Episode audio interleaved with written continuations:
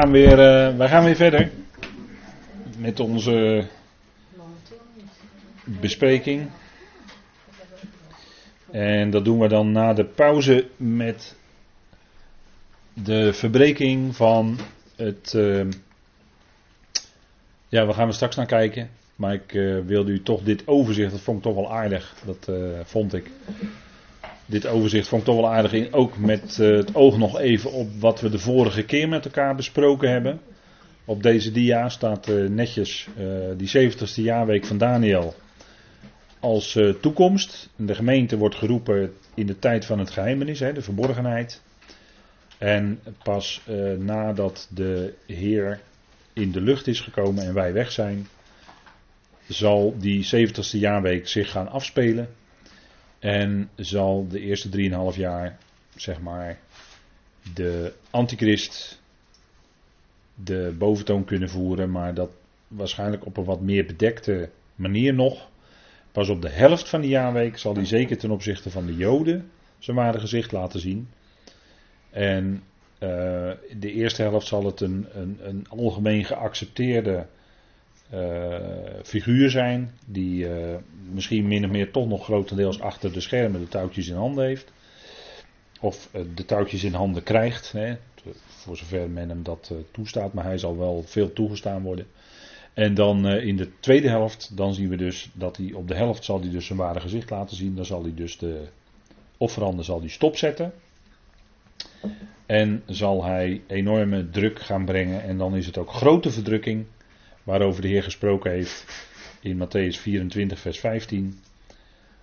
dat is het midden, Matthäus 24, vers 15 is het midden van de jaarweek, van de laatste jaarweek. En vanaf dat moment zal het ook grote verdrukking zijn over Israël, of over zeker de Joodse staat, de Joden die daar wonen. En ook antisemitisme zal wereldwijd verschrikkelijk toenemen dan. En er zullen velen ook gedood worden dat is die tweede helft van de jaarweek, 1260 dagen. De dagen zijn ingekort tot 1260 dagen. Want anders had het misschien wel 1335 dagen geduurd. Maar goed, dat is mijn gedachte. Dat, is, dat kunt u verder gelijk weer vergeten hoor. Maar die dagen zijn ingekort tot 1260 dagen, dat geloof ik wel. Want zo is het exact aangegeven, 1260 dagen. 42 maanden, 42 keer 30 dagen. Want een maand voor een Jood is eigenlijk een maan. Maan, naar de maan. Hè. De Joden hebben een maankalender, geen zonnekalender zoals wij. Maar ze hebben een maankalender, 30 dagen per maand. En 42 maanden keer 30 dagen is precies 1260 dagen. En 1260 dagen is precies 3,5 profetisch jaar, want een profetisch jaar kent 360 dagen. Niet 365, maar 360 dagen. Dat is een profetisch jaar. Dat zijn ook die jaarweken. Hè? Die 490 jaren, dat zijn 490 jaren van 360 dagen. Zo moet je dat uitrekenen. En er zijn al diverse die het hebben gedaan. En die kwamen precies uit op de tiende Nisan toen de Heer trok over de Olijfberg. En wat in Lucas 19 beschreven staat dat hij huilde. Er staat maar twee keer in het schrift dat de Heer Jezus huilde. Dat was toen, toen hij Jeruzalem zag en dacht aan de profetieën. Die over Jeruzalem waren uitgesproken. Dat geen steen op steen gelaten zou worden. Dat zei hij later ook tegen de discipelen. Toen huilde hij. En toen zijn vriend Lazarus was overleden. Toen huilde hij ook. Dat zijn de twee momenten. Die van hem beschreven staan. Lucas 19. Dat was de tiende Nisan. Dat was de laatste dag van de 69ste jaarweek van Daniel. En dat klopt tot op de dag. Mensen hebben dat uitgerekend. De eerste die het deed was Sir Robert Anderson in 1874. Die heeft daar ook een boek over geschreven, The Coming Prince. Daar staat het in. En ik heb het boven staan, dat boek. Daar staat het precies in, helemaal uitgerekend. Dat zijn 173.880 dagen, als ik het goed zeg. 69 keer 7 keer 360. Dan kom je daarop uit en dan kom je precies uit op de tiende Nisan dat de Heer trok over de Olijfberg. En toen stopte het en dan staat er ook de Messias, de vorst, zal worden afgesneden. Zegt Daniel in de profetie en toen gebeurde dat in feite. Want hij zal het niet hebben. Op dat moment had hij, kreeg hij dat koninkrijk niet. Hij kon, dat koningschap kon hij toen niet vervullen. Dat wist hij. Dat wist hij. En dat was ook dan in Daniel voorzegd. Toen eindigde die 69ste week. Nou. De laatste jaarweek is nog toekomst. En die zal zich dus gaan afspelen. En we zien dat gebeuren in openbaring 6, waar je Matthäus 24 naast kunt leggen. Dat doen bekende schriftuitleggers zoals Dr. E.W. Bullinger. En broeder Nog doet dat in zijn commentaar op openbaring. Dus uh, daar heb ik het ook allemaal vandaan. Dus uh, dat heb ik natuurlijk niet allemaal zelf uit, uitgeplust, dit allemaal. Maar dat hebben zulke bekwame uitleggers al voor mij gedaan en daar maak ik dankbaar gebruik van. En de tweede helft is dan echt, heb ik erboven gezet, de dictatuur effectief. de, de dictatuur, het woord dictatuur is een heel vervelend woord. En dat heeft vandaag, kun je dat onder een hele andere benaming eh, vatten. Want er is vandaag al sprake van een vorm van dictatuur, alleen merkt u, merkt u het niet. Maar het is wel zo. Omdat het heel langzaam, stapje voor stapje is ingevoerd. Maar daarom merken mensen het niet. Maar het is wel zo hoor. Het is wel zo. Ja. ja daar is een tweewoordelijke uitdrukking voor van twee woorden. Maar goed, dat uh, komt misschien nog wel eens een keer dat ik dat uh, ga zeggen. Maar in ieder geval is die tweede helft zal voor iedereen wereldwijd de dictatuur effectief zijn. En dan is er geen ontkomen meer aan hoor. Dan zit iedereen, is de val dichtgeklapt. En dan zit iedereen in de val. Iedereen. Er is er echt geen ontkomen meer aan. Nou, dat is dan ook grote verdrukking. En de Joden zullen daar enorm door uh, getroffen worden. Er zullen heel veel uh, Joodse mensen daardoor daar in die periode gedood worden. Uh, dat is wat de schrift aangeeft. Ontzettend. Goed, wij gaan dan verder naar de derde zegel.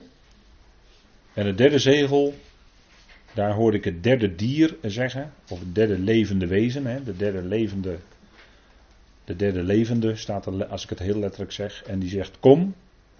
En ik zag zie een zwart paard en die erop zit, had een weegschaal in de hand. Nou, zwart is natuurlijk een uh, geweldige tegenstelling tot uh, het witte paard, wat het eerste kwam. Hè. Nu een zwart paard. Nou, zwart, dan is er geen enkele kleur meer. Bij zwart zijn alle kleuren eruit. En dat wordt dan ook verbonden met honger. Zwart wordt in de schrift verbonden met honger en met rouw. Zullen we eens even met elkaar opzoeken. Een voorbeeld daarvan in Psalm 35, vers 14.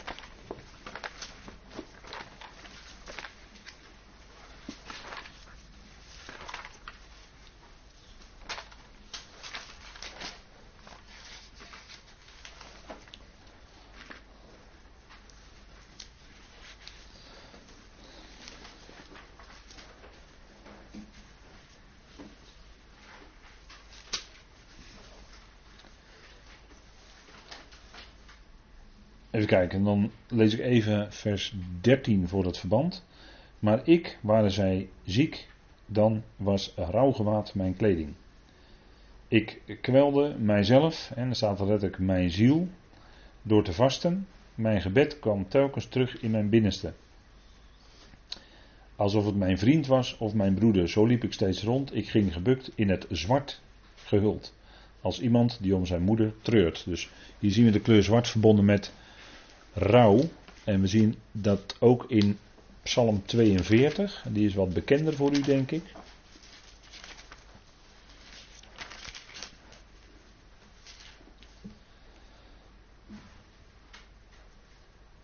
En er staat, dan zegt de psalmist: Ik zeg tegen God, mijn rots, waarom vergeet u mij? Waarom ga ik in het zwart gehuld? Door de onderdrukking van de vijand. En dan heb je mensen die ook altijd in het zwart lopen. Hè? Mensen van bepaalde kerkgenootschappen. Of bepaalde richtingen, die lopen ook altijd in het zwart. Letterlijk, zwarte kleding bedoel ik dan. En dan, dat heeft te maken met deze psalm, wat hier staat. Vers 10, sorry. Psalm 42, vers 10. En dan als laatste daarvan Jezaja 50. Jezaja 50.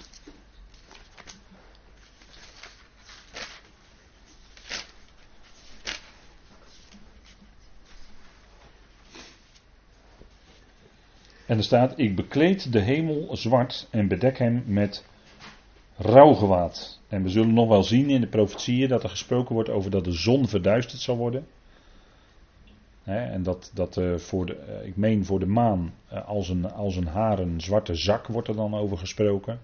Dus dan wordt alles verduisterd en dan zal alleen het licht zijn. Het teken van de zoon des mensen in de hemel zal dan gezien worden, dat zal dan het enige licht zijn. Hè? En dat is denk ik ook wat Zacharia bedoelt. Tegen de avond zal het licht zijn. Dus als de zoon des mensen komt. Dan zal het net lijken alsof het nacht is of avond is. En dan komt hij als, met licht. Hè, dan is het teken van de zoon des mensen aan de hemel. Dan is het licht. Dan komt hij. En dat is dan ook hoog tijd. Nou, uh, zwart heeft dan hier ook te maken met honger. Hè, want een weegschaal. Kijk, je hebt eerst oorlog. En meestal komt ook als de oorlog een tijdje aan de gang is, komt er ook honger. Degenen die de hongerwinter hebben meegemaakt van 1944, 45 weten dat. Boven de grote rivieren, beneden de rivieren was al hier in Nederland al uh, bevrijd. Maar boven de grote rivieren, met name de grote steden, daar was honger. En men liep vele kilometers naar het platteland om daar voedsel te verkrijgen. Soms met een houten kar, Enzovoort, enzovoort. Verschrikkelijke tafereelen. Men at bloembollen, bijvoorbeeld. Zo hongerig was men. Nou, dat is wat hoor, voordat je bloembollen gaat eten. Dan moet je echt ver heen zijn. Maar we zien die weegschaal.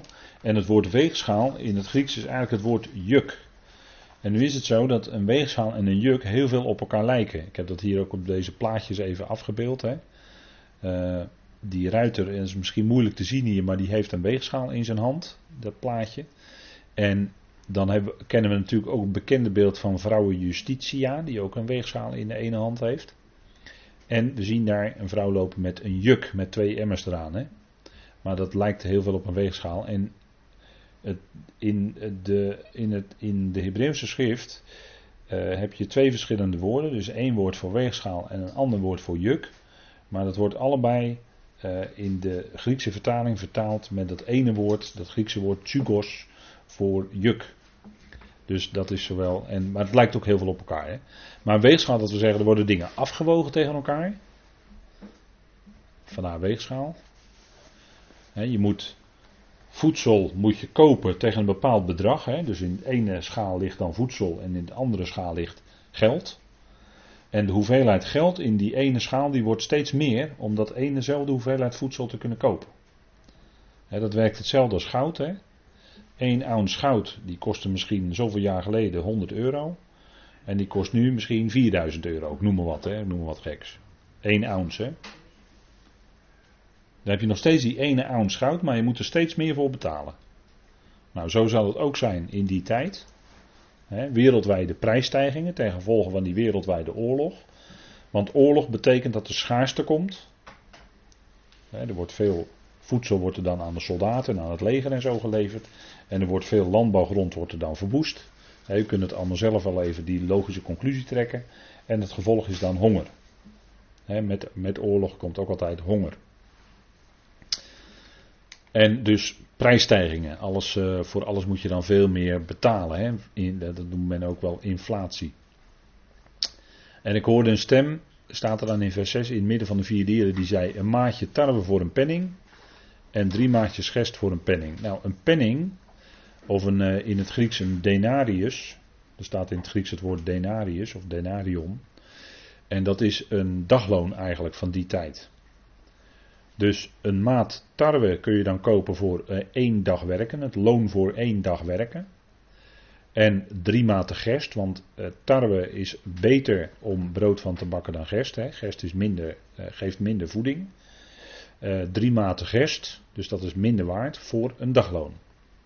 Nou, als je dat omrekent, iemand heeft dat wel eens omgerekend naar de huidige maatstaven. Nou, een dagloon tegenwoordig is grofweg van 80 euro al naar gelang wat je doet tot 200 euro per dag. dat, is, dat is het meeste. De meeste mensen verdienen in die range.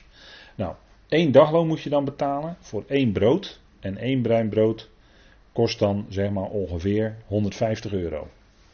Dus dan kunt u zien hoe duur dat voedsel dan gaat worden. een maat tarwe voor een dagloon en drie maten gerst voor een dagloon. En tarwe en gerst, dat zijn de belangrijkste uh, grondstoffen, om het zo maar te zeggen, voor brood. En uh, meestal werd gerst dan voor de, voor, de, voor de dieren gebruikt en tarwe voor de mensen.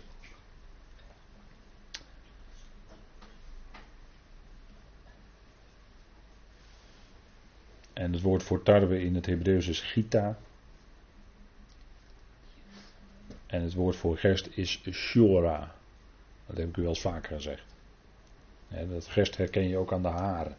De harige, dat heeft dan te maken met koningschap. Dat heb ik u wel eens uitgelegd. Hè? De hele geschiedenis van Rut. Hè, zo kwam met de gerstenoogst in het land. En gerst is dan met die haar. En die haar heeft te maken met kracht, met koningschap. En vandaar ook gerstenoogst is dan de verbinding met koningschap. Want het ging om de opvolging van de koningslijn naar David toe. Obed, Isaïe, David. Dan zit je dus in de koningslijn. En vandaar dat Rut, de Moabitische, kwam in, in feite daardoor in de koningslijn. Eh, er zou nog veel meer over te zeggen zijn, maar dat is nu ons onderwerp niet. Dus daar laat ik het bij. Maar deze dingen zeggen dat arme mensen, die kunnen dat dan die zullen dan veel geld ervoor moeten betalen. U begrijpt dat er dan honger geleden wordt. Want één maat is dan voor één mens. Hè? Laat staan dat één iemand dat voor zijn gezin moet verdienen. Dan uh, heb je weinig hoor. Dan heb je weinig in een week. Hè?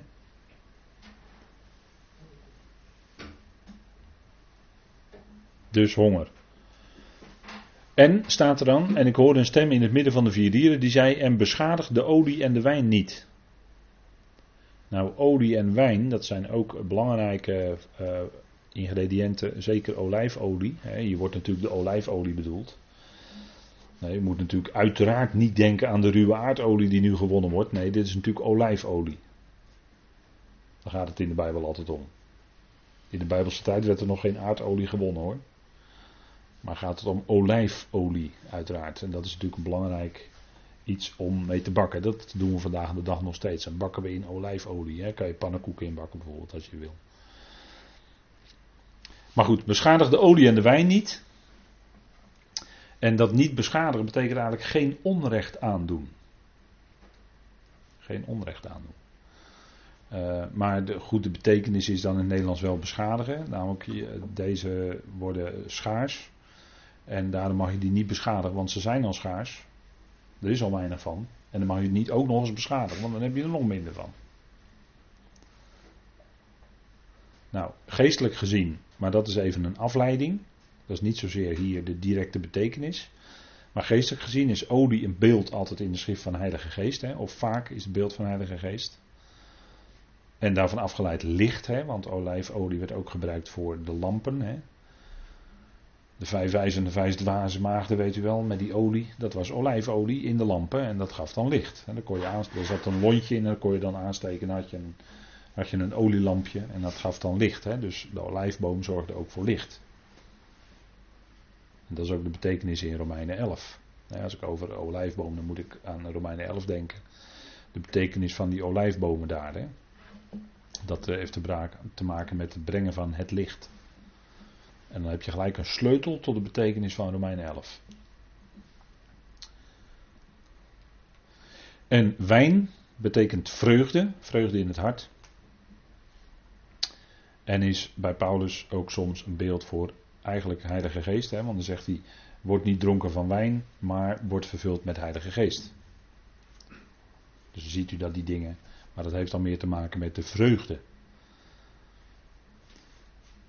Maar wat is nu hier de uitleg? Nou, er zijn verschillende uitleggingen. Die heb ik even met punt 1, 2 en 3 op deze dia met korte steekwoorden weergegeven.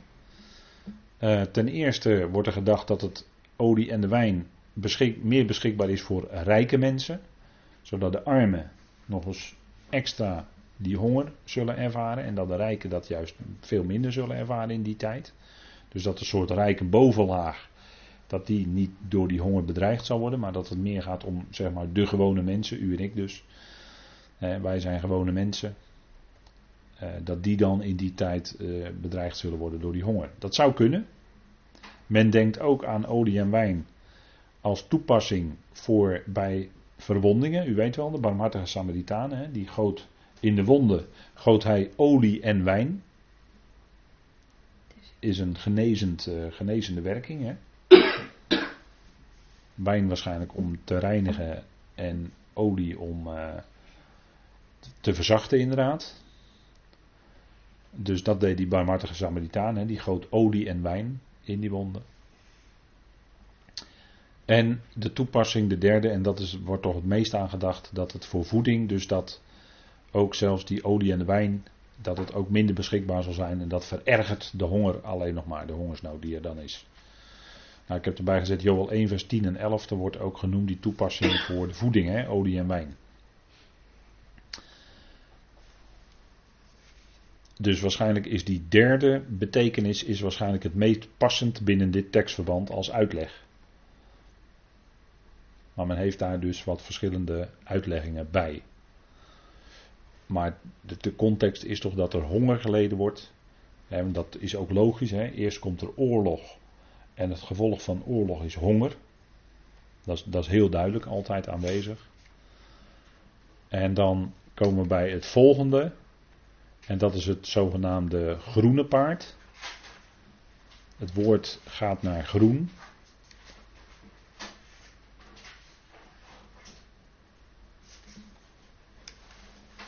En even kijken, we hebben.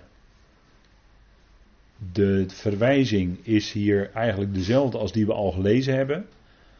In Matthäus 24, dat heb ik even nog niet op de dia vermeld. Niet op de dia vermeld, maar Matthäus 24 hebben we ook gelezen met elkaar daarnet. Hè? Marcus 13 en Lucas 21 lazen we ook over hongersnoden. Hè? Er zullen hongersnoden zijn, zegt de Heer.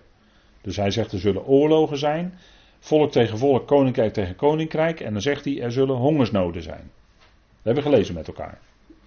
Dus dat is wat onder het derde zegel gebeurt. Hè? Verbreking van het derde zegel. Dus een aaneenschakeling van gebeurtenissen. die eigenlijk ook heel logisch in elkaars verlengde liggen.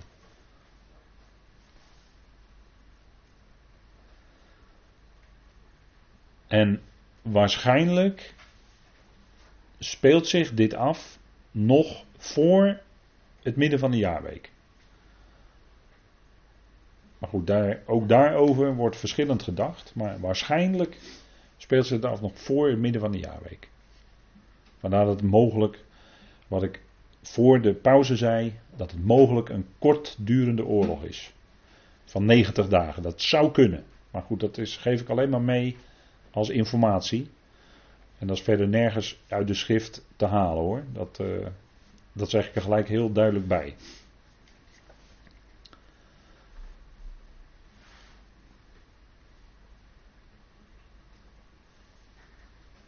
Nou, dan gaan we naar het vierde zegel. En dan staat er in Openbaring 6, vers 7. En toen het het vierde zegel geopend had, hoorde ik de stem van het vierde levende wezen, of het vierde dier, zeggen: Kom. En hier gaat het om het vierde. En vier heeft in de schrift te maken met de aarde, hè, of deze wereld. De vier windstreken, de vier hoeken van de aarde. Hè, vier is echt een kenmerk van de aarde.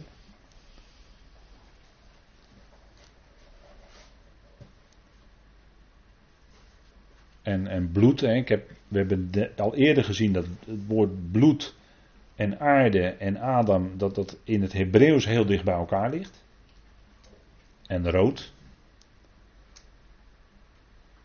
En vier, kijk, als je uh, het woord bloed, dat is uh, de eerste letter daarvan in het Hebreeuws, heeft als waarde vier. Dat is de dalet.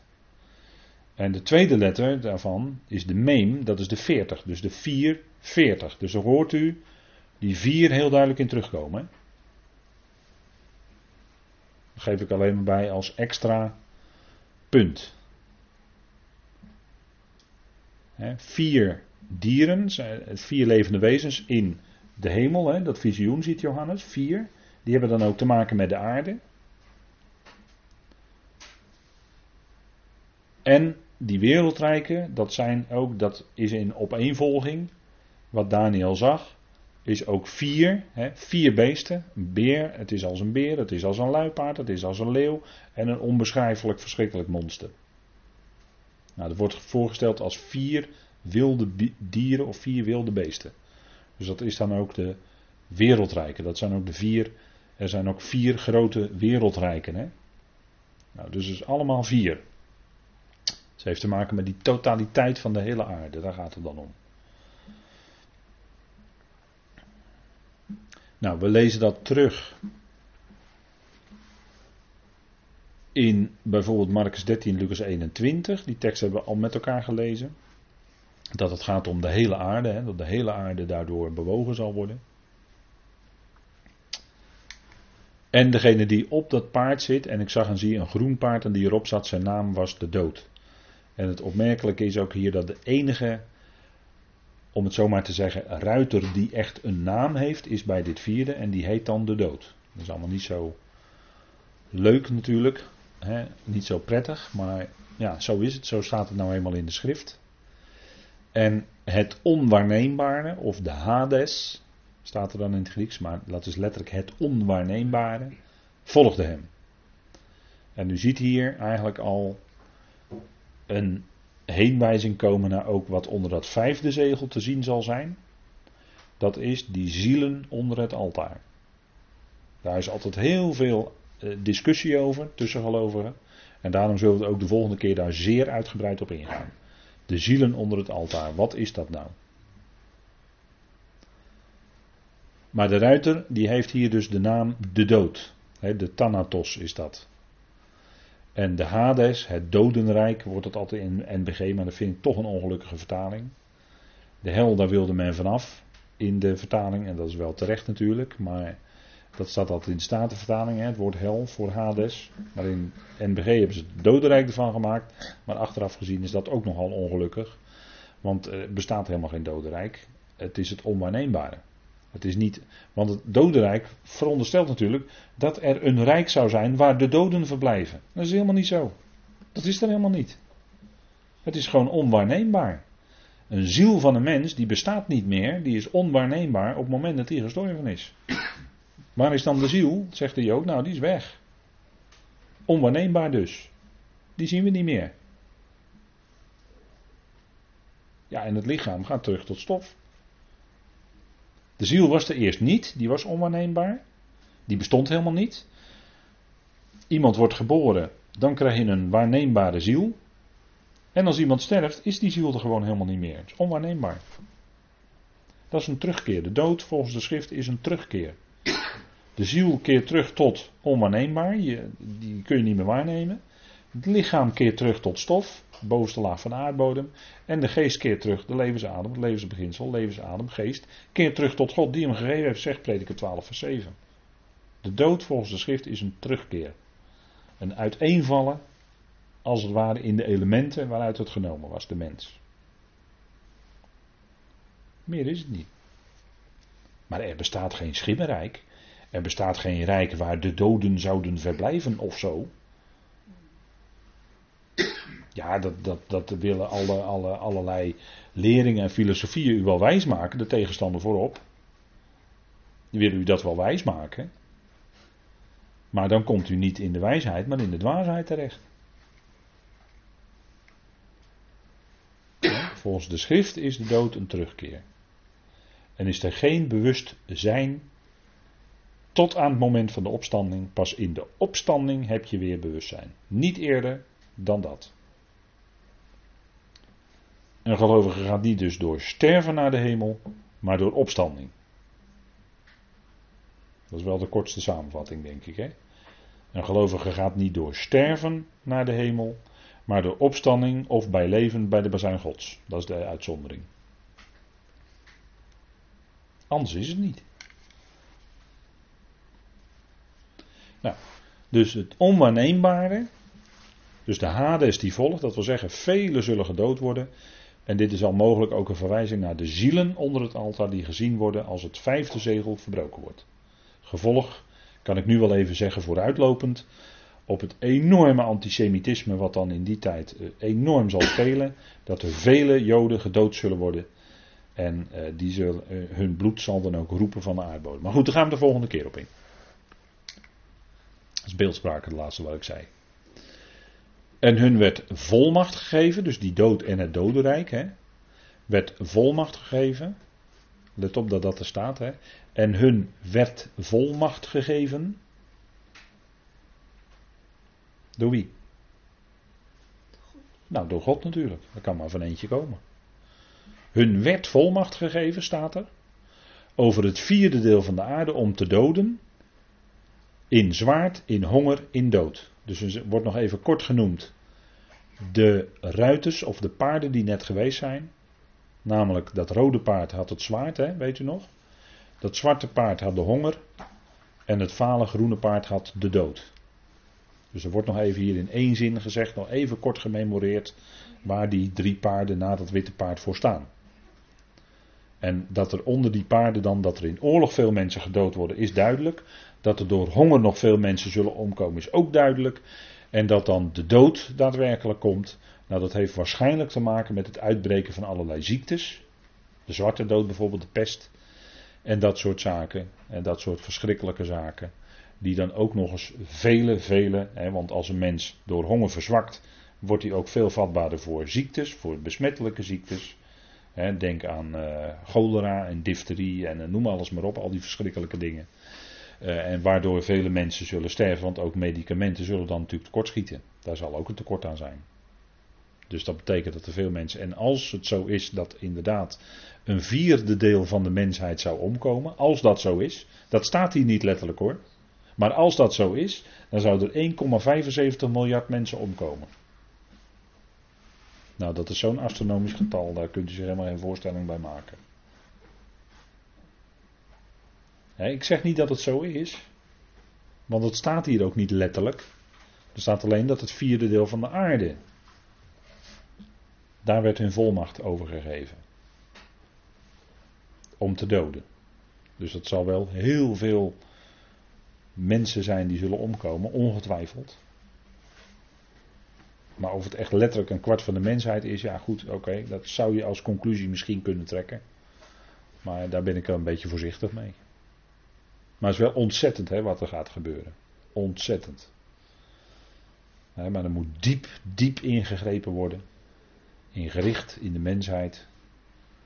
Om uiteindelijk te komen tot de doorbraak. Want daar gaat het natuurlijk naartoe het koninkrijk onder onze Messias, de Heer Jezus, die eh, zijn koninkrijk zal oprichten. Hè. Daar gaat het allemaal om. Dus dat uh, is natuurlijk ontzettend. En staat er dan nog bij, en door de wilde beesten van de aarde. de gedachte is dan dat de wilde beesten ook hongerig zijn en ook allerlei mensen zullen aanvallen. En dat daardoor ook nog mensen gedood zullen worden. dat is helemaal niet denkbeeldig, dat komt voor. Hè, dat mensen bij gelegenheid aangevallen worden door wilde dieren. Dat kan door enorme slangen gebeuren, of door leeuwen, of door beren, of uh, luipaarden, of tijgers. Dat kan allemaal. Dat, dat, dat gebeurt al in de praktijk. En dan zal het waarschijnlijk uh, vaak, vaker gebeuren. Nou, een afgeleide daarvan is dat het wilde beest dat er wilde beesten in openbaring worden genoemd. Maar dat, dat is dan aanduiding voor die wereldleider, de wetteloze. Die gekarakteriseerd wordt als een wild beest. Of het geheel hè, wordt dan ook gezegd dat dat een wild beest is. Hè, het geheel van uh, wat, wat de wereldmacht uitoefent. Hè. Het wilde beest. Er wordt bijvoorbeeld gesproken over uh, een wild beest uit de afgrond in openbaring 11 vers 7. Hè, dat is niet een gewoon dier. Maar hier, hier wordt een Grieks woord dan gebruikt, therion, en dat betekent dat het gaat om een wild dier. U kunt dat gewoon opzoeken in uw uh, stiegwoordconcordans of in uw keyword concordance, kunt u het zo terugvinden. Maar uh, ja, dit, dit, is wat dan ook vaker in openbaring genoemd wordt. Hè? En dat het, uh, dat er komt dan in openbaring 13 een beest uit de aarde en een beest uit de zee. Nou, daar zullen we natuurlijk in de toekomst nog gaan, nader op ingaan. in openbaring 17 wordt bijvoorbeeld ook een wild dier genoemd, een beest. Dus dit woord wordt dan met verschillende toepassingen ook weer gebruikt in openbaring. Dus u ziet dat onder dit tweede, derde en vierde zegel enorme dingen uh, de mensheid staat te wachten. Dat zal iedereen. En, en we zien natuurlijk in onze tijd dat ja, alles wordt steeds onrustiger. En de onrust en conflict komt steeds dichterbij. Ook door middel van aanslagen. nou, ik denk dat we, ja, naarmate de tijd vordert, dit, de, de, ook die druk steeds zal gaan toenemen. En dat we als gelovigen wel dat geweldige uitzicht en die verwachting mogen hebben en hebben. Uh, wat de schrift ons geeft. En dat we, ja, daar ga je toch steeds meer naar uitzien. Hè? Ook door de belofte die God gegeven heeft. En het is een ontzettende tijd die uh, kort zal zijn, maar zeer hevig, zeer heftig. Het zal diep ingrijpend zijn in de mensheid. En dan zal ook later dat koninkrijk van de Messias natuurlijk gaan doorbreken. Dat is onze hoop, onze verwachting. Waar we naar uitzien. En ja, het is uh, denk ik goed om met elkaar toch zo deze dingen na te lopen. eigenlijk tot in detail, om het zo maar te zeggen. Zodat we exact de stappen zullen zien die de Heer gaat zetten om tot verlossing te komen van deze aarde. Maar het is niet zonder hoop, niet zonder verwachting natuurlijk.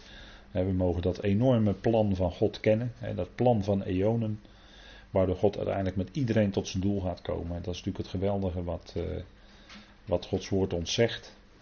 Dat de dood niet het laatste woord heeft, maar God heeft het laatste woord en dat is leven voor iedereen. Leven voor iedereen. In de levendmaking. En dat is uh, het geweldige. Hè? Eens zal de dood daadwerkelijk volkomen uitgebannen zijn. En zal de tweede dood alles moeten prijsgeven. Die wordt buiten werking gesteld.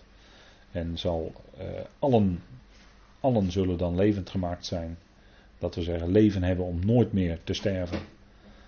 En uh, dan zal God ook daadwerkelijk worden alles in allen. Dat is het uitzicht. Hè? Dat is het geweldige hoop en verwachting die we door de brieven van de apostel Paulus hebben. En dat, uh, dat is toch denk ik wat uiteindelijk hier bovenuit gaat.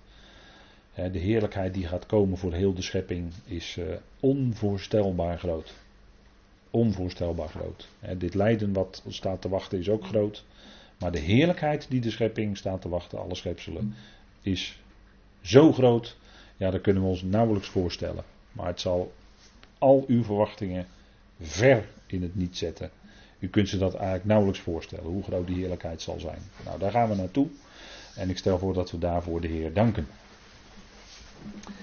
Vader, dank u wel dat we inderdaad mogen eindigen met de heerlijkheid die wacht. Als we over deze zeer ernstige dingen nadenken die in uw woord beschreven staan. Vader, het is profetie. Johannes heeft het gezien. En we weten ook, Vader, dat het moet gebeuren. Het kan niet anders, het moet zo zijn. En Vader, we danken u dat u degene bent die precies de maat weet van elk gericht. U zult precies tot op de seconde dat gericht laten uitvoeren, maar dan ook niet langer dan dat. Vader, want het is volledig in uw hand. Onze tijden zijn in uw hand. En dat is wat de psalmist wist. Dat mogen wij ook weten, vader, met de psalmist mee. Onze tijden zijn in uw hand. En dank u wel dat u precies zal doen wat juist is, wat goed is. Uw zoon zal degene zijn die het gericht uitvoert. En vader, we zien dat allerlei instrumenten daarvoor ingezet worden. En dank u wel dat u in gaat grijpen, want vader, er moet ook een einde komen aan al het kwaad, al die zonden die we zien om ons heen. Vader, daar moet op een gegeven moment toch een halt aan worden gezet. En vader, dank u wel dat u dat op precies het juiste moment zal doen. Dank u wel dat wij zelfs een eerdere verwachting hebben, vader, dan Israël. Vader, dat is diepe genade, onverdiend, die u ons geeft. Vader, dat is niet bedacht door ons, maar u schenkt het ons in genade, dat we mogen uitzien naar de bazuin. Op die dag, vader, dat de bazuin zal klinken, dan zal al ons lijden omgezet worden in heerlijkheid. Dan zal de verdrukking voorbij zijn, waar we misschien middenin zitten. Maar dank u wel dat u ons dan precies op het juiste moment komt halen. En Vader, dank u wel dat het een geweldig moment zal zijn. Als wij met uw zoon verenigd zullen worden in de lucht. Dank u wel, Vader, voor die genade, voor die toekomst, voor die heerlijkheid.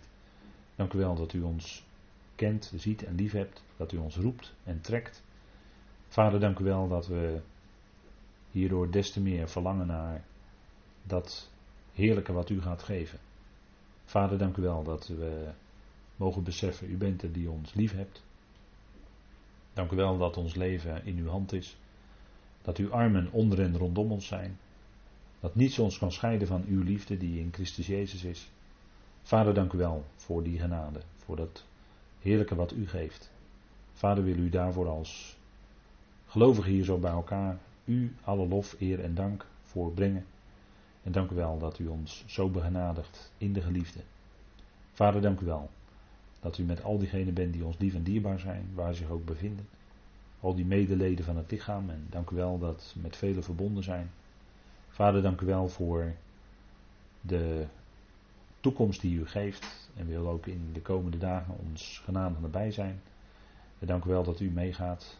Dat u weet wat in ons leven speelt en dat u ons hart kent. Vader, dank u wel dat we ons hart altijd weer mogen richten op u. Die ons zoveel schenkt. Vader, we danken u daarvoor.